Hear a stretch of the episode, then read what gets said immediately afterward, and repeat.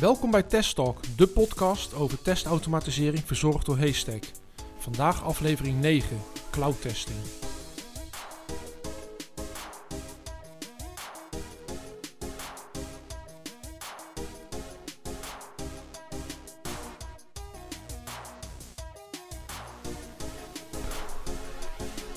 Goedendag.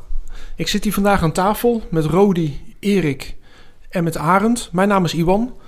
Ehm, op 19 januari gaat Haystack een meetup organiseren over cloud testing. Rodi die zal daar eh, eh, het voorwoord nemen. Die, zal daar, eh, die gaat dat allerlei dingen vertellen. Ehm, maar voordat we zover zijn, hebben we deze podcast daarover. Dus laat ik gewoon eens beginnen bij Rodi van wat is cloud testing? Cloud testen kan je in principe in drie subtakken opdelen. Je hebt een stukje het testen van applicaties die in de cloud werken, ofwel software as a service. Je kan ook tools gebruiken die in de cloud zitten om een applicatie te testen. Maar hetgene waar wij op 19 januari vooral op gaan focussen, is het testen van de infrastructuur in de cloud. Dus infrastructure as a service en platform as a service. En wat dat eigenlijk betekent is dat we dus gaan kijken naar het onderliggende landschap, dus echt de, de infrastructuur, werkt die naar behoren? Oké, dus uh, jij, jij geeft aan, er zijn verschillende definities van, van, van, ja, van wat eigenlijk allemaal in de cloud kan gebeuren. Nou, het, is, het, is een, een, het zijn drie ja, verschillende takken van sport die samen de definitie cloud testen uh, okay, behelzen. En... Maar bij ons ligt de focus voornamelijk op het testen van de cloud-infrastructuur. en dan hebben we het dus met name over... Dus hebben we het niet meer echt over functionaliteit van, uh, van software, toch meer over non-functionals. Ja. Uh, die, die daarin belangrijk zijn. Want functioneel zien we daar volgens mij niet echt verschillen met, met, met regulier testen, toch? Nee, klopt. De, het gewicht van het functionele testen zal niet veranderen. Het is wat dat er gaat nog steeds black box. Dus je weet niet wat er onder water allemaal gebeurt. Het ligt puur dat de, het, het, ja, een gewichtsverschuiving meer naar de non-functionals. En, en, over welke non-functionals uh, hebben we het? Volgens mij hebben we het over, uh, over performance. Tenminste, daar heb ik dan zelf de meeste affiniteit mee. Uh, en wellicht beschikbaarheid. Ehm, lijken mij best wel belangrijk in de cloud, maar ik zie niet waarom ze daar belangrijker moeten zijn dan, uh, dan op een uh, on-premise omgeving. Op een on-premise omgeving heb je natuurlijk een volledige omgeving tot je beschikking en dat is al volledig voor je betaald. Terwijl als je in een cloud omgeving zit, daar betaal je voor je resources. Dus je krijgt nog steeds wel performance testen en ook zoals je ze normaal gesproken zou gebruiken, want je wil nog steeds weten wat de performance van je applicatie is. Maar daarnaast komt nog een extra laag erbij kijken waarin je wil valideren dat de pakketten die je hebt afgenomen, dat die voldoende zijn voor jouw applicatie of applicaties.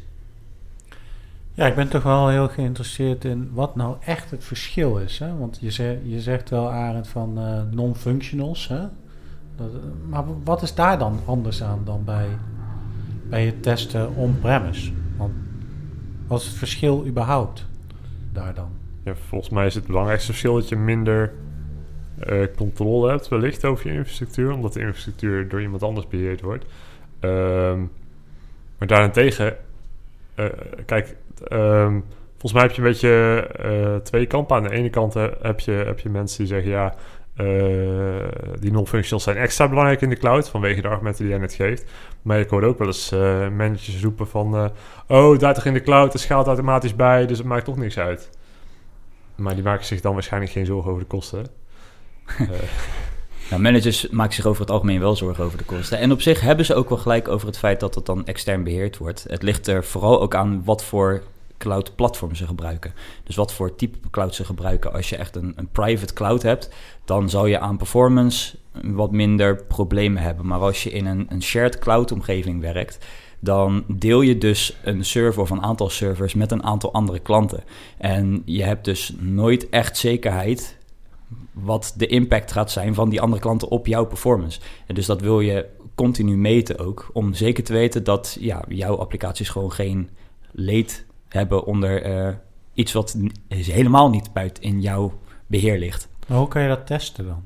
Hoe, hoe kun je testen uh, Want je hebt geen kennis van die andere klanten. Wel? Klopt, maar je kan wel aan de hand van monitoring goed bijhouden wat nou eh, ja, de trends zijn in jouw applicatie. Dus testen ligt niet meer zozeer alleen aan de achterkant, dus het hele shift-left verhaal, maar shift-right wordt ook belangrijk. Dus dat je goede monitoring in place hebt, waarin je valideert dat ehm, de performance in ieder geval niet degradeert. Ja. Maar ik, ik, ik hoor je nu een, een aantal dingen zeggen, waaronder ook eh, shared eh, omgevingen. Dus dat andere ehm, bedrijven, andere klanten ook gebruik maken van dat stukje de resource wat daar is. Ik, ehm, je hebt daar geen invloed op, dus dat betekent dat het continu kan wijzigen. Wat, wat heeft testen dan voor toegevoegde waarde als je, nou, want je hebt het ook over monitoring. Hoe, hoe zie je dat testen dan? dan? Daar kan je dan volgens mij heel weinig mee met de uitkomsten daarvan. Zie je monitoring ook als een vorm van test is eigenlijk? Zeker. Het Ja. verlengde van die vraag, denk ik toch? Ja, nou ja, ehm, monitoring versus testen, ja, daar kunnen we denk ik ook nog wel eens een keer een hele podcast over vullen. Ehm, Ja. Maar wat, wat ik begrijp is van ja, ehm, het monitoren doe je mijns inziens op een productieomgeving, terwijl het testen dat doe je vaak op een acceptatie of op een testomgeving.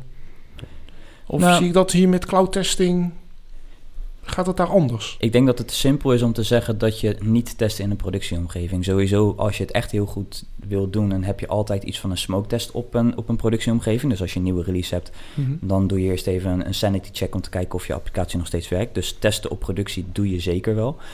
En ik denk dat monitoring, ook al is het niet per definitie een testsoort, ik denk wel dat het een, een heel wezenlijk onderdeel is van het testvak. Want je wilt een aantal scenario's, wil je, want ja, het is een risico gebaseerd, dus je wil niet alles monitoren, kan wel.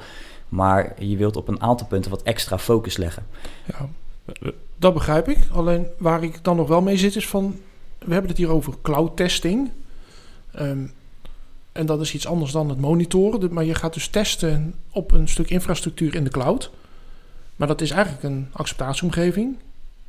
Nee, dan- de, de monitoring vindt plaats op productie. Ja, dat klopt. Maar het testen zelf... Het, Maar- testen, het, het cloud testing... Dat gebeurt niet op productie, toch? Moet, moet ik het monitoren zo zien dat je eh, mo- monitor je infrastructuur of heb je het echt over zaken zoals eh, bijvoorbeeld ik monitor hoe lang het inloggen duurt of ik monitor hoe lang dit request duurt op productie. Dat kan beide. Want als je, want als je, dat, want als je dat doet, dan ben je in principe natuurlijk wel aan het testen. Ja. Als ik eh, een bepaalde aanroep eh, iedere keer opnieuw doe op productie Mhm. en ik leg daarvan in dit geval dan bijvoorbeeld responstijd en beschikbaarheid vast, eh, dan ben ik responstijd en beschikbaarheid aan het monitoren, maar tegelijkertijd doe je eigenlijk, voer je eigenlijk een test uit, maar dan gewoon regelmatig, zeg maar. En laat je een, een gebruiker van het systeem die test eigenlijk voor jou uitvoeren. Of je, ja, dat, ja, het kan op twee manieren inderdaad. Je kan het, Ja. eh, je kan het automatiseren, dus dat je eh, Kan ook, een robot ja. het laat doen, maar je kan het inderdaad ook gewoon de transacties van gebruikers monitoren. Dat is absoluut waar. Klopt. Oké. Dus, dus in die zin test je misschien andere dingen en je let op andere zaken, maar je bent eigenlijk nog steeds aan het testen, maar dan in, eh, eh, in productie. Ja, maar dat is eigenlijk een beetje hetzelfde weer met die test automation piramide of de automation of testpiramide. Eh, op elk niveau test je het weer net even met een iets andere context. En dat is niet anders als je iets in productie, in, in monitoring test. Nee, dat is waar, maar ik vind het monitoren van je CPU-gebruik, dat vind ik wel erg ver van, van, van testen af liggen. Dat klopt. Ja, to- toch even een paar stapjes terug. Hè? Want, eh, ik bedoel, als je kijkt naar functioneel testen, hè, we zeiden net van dat is eigenlijk eh, wezenlijk geen verschil. Is er dan werkelijk geen verschil tussen functioneel testen in de cloud en niet in de cloud? Ja, voor het grootste gedeelte wat ik net al zei, is het voornamelijk blackbox testen. Maar je hebt wel meer grip op, eh, op die cloud-omgeving. Eh, want Ja. Maar, maar is er bijvoorbeeld geen extra kennis nodig voor die testers om in een bepaalde cloud-architectuur te kunnen gaan werken en dat soort dingen? in Of principe je van, niet. Het is gewoon blackbox. eh Voor echt, echte end-to-end testen, dus echt die, die UI-testen om het zo het maar is even niet te alleen zeggen. end-to-end testen natuurlijk. Nee, zeker niet. Nou ja, kijk, als je eh, bijvoorbeeld een stukje deployments, pipelines, dat soort dingen ook onder testen schaart, ja, dan maak je waarschijnlijk gebruik van andere tools. Maar goed, dat geldt natuurlijk net zo goed voor een één Ja, op een als je losse doelgeving services aan het testen bent natuurlijk. Ja. Ja, maar dan gebruik je nog steeds een endpoint wat je aanroept, wat ook relatief black box is. En dat heeft niet per se iets te maken met de cloud. Dat is gewoon de software die je aan het testen bent. Ja, maar er zijn niet bepaalde er is niet bepaalde tooling dan voor die eh, verschillende cloud-omgevingen om bijvoorbeeld dingen als performance goed te kunnen meten of eh, en, eh, dat- dat soort dingen, hè? Wat bedoel ik dan? Niet per se voor de traditionele testsoorten, om het zo maar even Ja. te zeggen. Voor het functionele, zeg maar. Niet voor het functionele, nee. Maar dan bij het performance testen komt dat wel eh, om de hoek kijken. Ja, Ja. eigenlijk ook niet per se. Want je bent nog steeds de software aan het, voor een heel groot gedeelte aan het testen. Het is voornamelijk de resultaten die je eruit krijgt. Ja, Dat het analyseren daarvan, ja, daar zit je wel een beetje mee eh, om daar naar te kijken. Wat trouwens ook wel heel belangrijk is om te vermelden, is dat zeker als je naar eh, performance testen en naar security testen gaat kijken, mag niet zomaar iedereen doen op een cloud-omgeving. Ehm, juist omdat het een, vaak een gedeelde omgeving is, moet je toegang hebben eh, of de goedkeuring hebben van de cloud provider om dat soort tests uit te voeren op zo'n omgeving. En moet je vaak ook bepaalde certificaten gehaald hebben om Ja. echt dat te mogen doen. oké, dat is op zich dan wel een, een interessant verschil. Hè? Ja, dat is, eh, dat is inderdaad een verschil wat wel ja, Ja. heel groot is met een on-premise eh, test. Geldt dat alleen voor performance en security testing? Of zijn er ook andere soorten tests die je per se eerst moet aanvragen voordat je dat mag gaan doen? Performance testen en security testen zijn wel de belangrijkste waarvan ik weet dat die echt die eh, verplichting hebben dat je daar goedkeuring voor krijgt. Want ja, met die twee soorten testen en met performance testen is natuurlijk een heel breed spectrum. Ja. Mhm. Maar dat zijn wel de twee belangrijkste waar je de meeste schade kan aanrichten op zo'n cloud-omgeving. En dat is de voornaamste reden natuurlijk waarom je dat niet wil hebben. Ja, Waarom ja, je dat niet zomaar door iedereen wil laten doen. Ja. Ja. Ik kan nog wel één testsoort bedenken waar dat eh, misschien het geval is. Eh, chaos testing. Zeker. Ik kan me, Dat- ik kan me voorstellen dat ze niet willen dat je dat doet zonder eh, aan te vragen. Nee, klopt. Eh chaos testing is, is inderdaad iets nieuws wat met cloud-omgevingen eh, ja, eigenlijk is geïntroduceerd. En dat is een nieuwe testvorm waarin je eigenlijk... Ja, de, de, er is een, mooie omschrijving waarin staat dat chaos testen eh, een, een situatie is waar een aap gewoon in een serverpark wordt losgelaten en op willekeurige momenten en op willekeurige plekken eh, aan kabels begint te trekken en servers kapot aan het maken is en eh, allerlei andere dingen doen die normaal gesproken niet gebeuren. En dat is een, ja, een nieuwe vorm van testen die niet per se heel nieuw is, want monkey testen bestaat ook al een hele tijd. En ja, als je kijkt naar de beschrijvingen daarvan, is monkey testen meer gebaseerd op het functionele vlak en is chaos testing juist meer op het infrastructuurvlak. Dus je kijkt meer naar wat gebeurt er als ik deze stekkers eruit trek in plaats van oh wat als ik hierop klik. En dat chaos testing, dat doe je hoop ik in de testomgeving. Eh, daar begin je wel. Ehm, maar uiteindelijk wil je dat in productie gaan doen. Want je wil zeker weten dat op jouw productieomgeving, als er een container, een Docker container of iets dergelijks omvalt, dat dan niet jouw hele systeem meteen crasht. Je wil altijd zorgen dat jouw applicatie online blijft staan. Oké, en dat klinkt ook heel erg als een disaster recovery. Ook, dat, zit, dat is zeker daar een onderdeel van. Dat is onderdeel van het chaos testing. Ja, dus je begint met, eh, of eigenlijk is chaos testen bestaat uit vier stappen. Is je bepaalt eerst het standaardgedrag van de applicatie. Dus hoe zou de applicatie moeten werken? Dat is een, een relatief eenvoudige stap. Vervolgens ga je kijken naar eh, hypotheses van wat zou er allemaal met het systeem kunnen gebeuren. En daar schrijf je dan uiteindelijk een, een kleine test voor. Dat is dan de derde stap. En de vierde stap is dan uiteindelijk natuurlijk eh, uitvoeren en analyse van die resultaten. Dus je begint te bedenken van oké, wat kan er fout gaan? En vervolgens ga je dat valideren. En als je dan nog een stap verder gaat, dan krijg je chaos engineering. En dan ga je dus al, voordat je die test gedraaid hebt, of überhaupt bedacht hebt, ga je al ontwikkelen met die mindset in gedachten. Dus wat gebeurt er als ik eh, deze pot of deze container neerhaal? Wat gebeurt er dan? En wat moet het systeem dan doen om toch die continu- continuïteit te borgen? Ja, Ja, want ik zit net, net even te denken. Je zegt hypotheses opstellen in stap 3, geloof ik. Dat is stap 2. Nou, stap 2. Uh, hoe stel je die op dan? In principe is dat hetzelfde als je een, een testcase op zou stellen. Maar die, die zou, dat soort dingen wil je eigenlijk dan... Ja, oké. Maar welke requirements gebruik je daarvoor dan? De requirements die je daarvoor gebruikt, dat zijn eigenlijk... Ja... Uh, availability? Dat is availability inderdaad. Ja, dus die moet je dan wel specifiek ja. opstellen. Voor cloud testen wordt het hele requirements uh, engineering wordt ook wel een stukje belangrijker. Omdat je allerlei extra, vooral non-functional uh, requirements eigenlijk wilt opstellen. Ja, hè? Want ja jij kan wel van alles gaan testen. Uh, de ontwikkelaars moeten ook van alles. nou, Erik, hier wil ik wel even op reageren. Huh? Daar ben ik het niet helemaal mee eens. Want?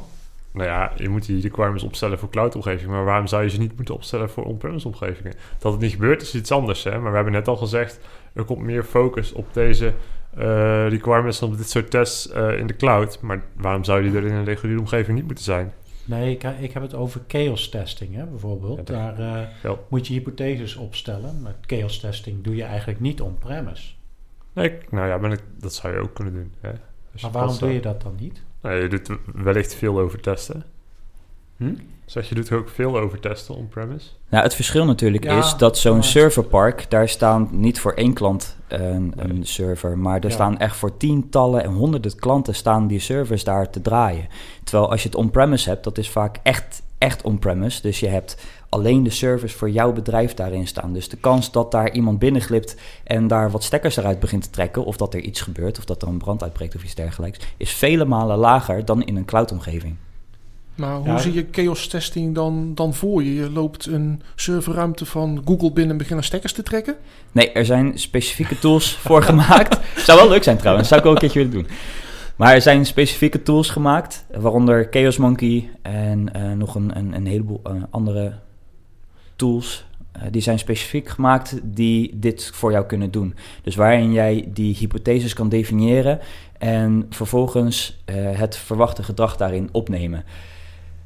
Dus ja. daar kan je dus, uh, zonder dat je echt naar dat serverpark toe hoeft te gaan en hopen dat je dan jouw juiste serverkast eruit weet te trekken, kan oh, je al die tests uitvoeren. Maar houdt het dan ook in dat je chaos testing op verschillende niveaus hebt? Want jij gaat het dan doen voor je eigen applicatie, dus je gaat je eigen uh, containers en pots ga je onderuit schieten.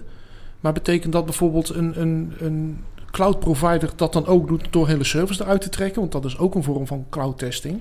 Of een, ja, om te kijken van, joh, kunnen die applicaties waar al die klanten op zitten, draait dat dan gewoon vrolijk verder? Ja, net zoals je met uh, software as a service producten vaak een performance rapport opgeleverd krijgt, verwacht ik wel dat zo'n cloud leverancier dat ook voor, ja, echt met, met chaos testing doet.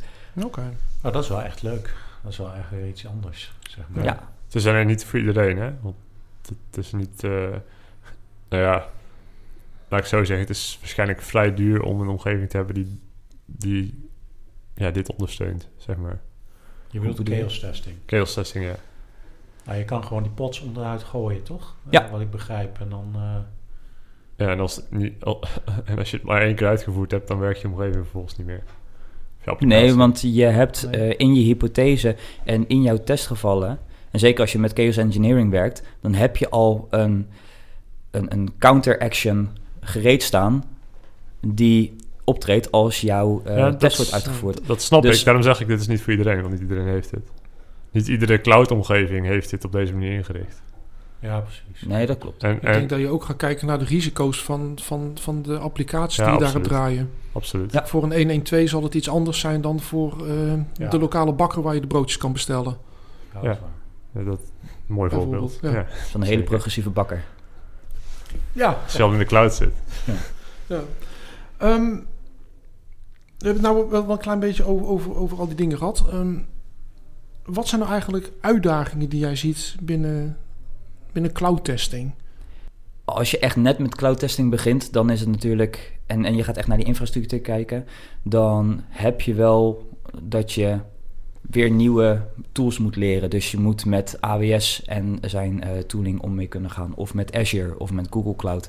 Dus dat zijn weer een nieuwe skillset die je, of nieuwe tools die je aan moet leren. Daarnaast, wat ik net al zei, als je een performance of een security test wil uitvoeren, dan moet je die certificaten halen. Het zijn niet de moeilijkste, maar ook niet per se de makkelijkste certificaten die je, uh, die je kan halen. Dus dat is ook weer extra tijd die je in moet insteken. En dat, dat kan een uitdaging zijn, zeker als je uh, snel moet schakelen. Nou. wat, wat voor soort tester, als je een tester zou moeten beschrijven, wat voor soort tester zou zo'n cloud tester dan zijn? Dat kan je op twee manieren ja, aanvliegen, om het zo maar even te zeggen. Je kan iemand die het testvak al beheerst, die kan je die certificaten of wat specifiekere certificaten gericht om zijn werkzaamheden uh, laten uitvoeren of laten halen. Maar wat ook zeker een optie is, is er zijn nu al een heleboel cloud engineers uh, die wellicht wel iets meer willen dan alleen maar cloud engineering. En die kunnen, we, die kunnen ook heel goed het testvak leren. En op die manier hun cloud kennis combineren met een ISTQB of een TMAP training. Om op die manier ook goede eh, cloud tests uh, te, uit te voeren. Ja. Maar hoe, hoe dan ook, het blijft altijd een samenwerking tussen die cloud engineer en de, en de testers, zeg maar. Ja, zeker. Maar dat is niet anders dan ja. als je in een uh, on-premise situatie met je tabber uh, ja. praat. Ja, klopt. Ja. ja. Oké. Okay. Um, ja, gezien de tijd ook een beetje richting de afsluiting gaan. Uh, op 19 januari uh, organiseren wij een, uh, een meet-up. Jij gaat daar ook spreken, Rodi. Ja. Um, zijn er nog plekken vrij? Kunnen mensen zich nog inschrijven? Ja, iedereen kan zich gewoon nog inschrijven. We het is een online event, neem ik aan? het, is een, het is een online... Of, het is een offline om, presentatie. Dus hier op het kantoor in Den Bosch gaan wij deze presentatie houden. Oké. Okay. Um, ja, de link voor, deze, voor, de, voor het inschrijven die zullen we bijvoegen bij deze podcast, bij de omschrijving. Um, mensen kunnen dan ook meepraten, neem ik aan. Ja, zeker. Nou, dan ja. zou ik zeggen van uh, schrijf je vooral lekker in. Als je vooral meer wil weten over dit, uh, dit onderwerp. En dan uh, wil ik jullie eigenlijk bedanken voor deze, voor deze podcast. Graag gedaan. Ja. Oké. Okay.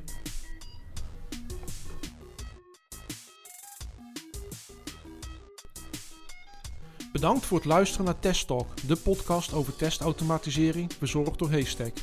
Tot de volgende keer. Als je het leuk vindt om met ons verder te praten over ons vakgebied, neem dan gerust contact met ons op via testtalk.haystack.nl. Vergeet je overigens niet in te schrijven voor de meetup op 19 januari.